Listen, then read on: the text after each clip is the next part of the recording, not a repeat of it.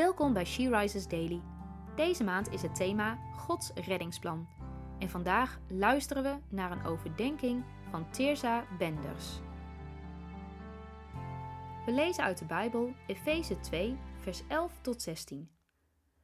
Bedenk daarom dat u, die voorheen heidenen was, dat u in die tijd zonder Christus was, vervreemd van het burgerschap van Israël en vreemdelingen wat betreft de verbonden van de belofte. U had geen hoop en was zonder God in de wereld. Maar nu, in Christus Jezus, bent u, die voorheen ver af was, door het bloed van Christus dichtbij gekomen. Want Hij is onze vrede, die beiden, Joden en heidenen, één gemaakt heeft. Opdat Hij die twee, Joden en heidenen, in zichzelf tot één nieuwe mens zou scheppen en zo vrede zou maken.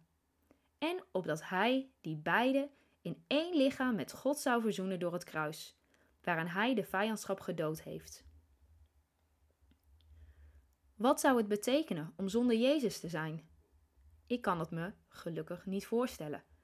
De apostel Paulus schildert een somber beeld af van een leven buiten God om. Er is geen hoop. Je leeft vervreemd van God.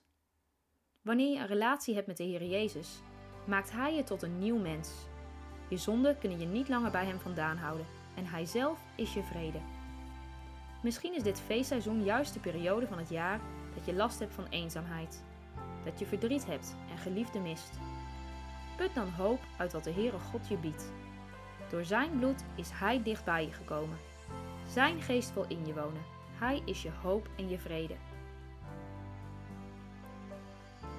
Is er ook iemand die jij met deze boodschap deze dag zou mogen bemoedigen?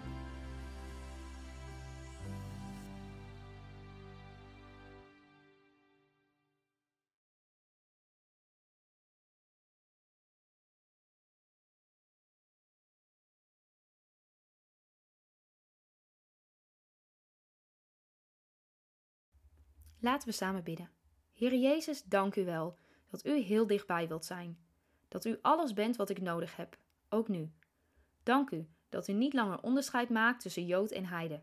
Help mij om met uw liefde naar anderen te kijken en een licht te zijn in de wereld. In het bijzonder voor hen die dat op dit moment zo hard nodig hebben. Amen.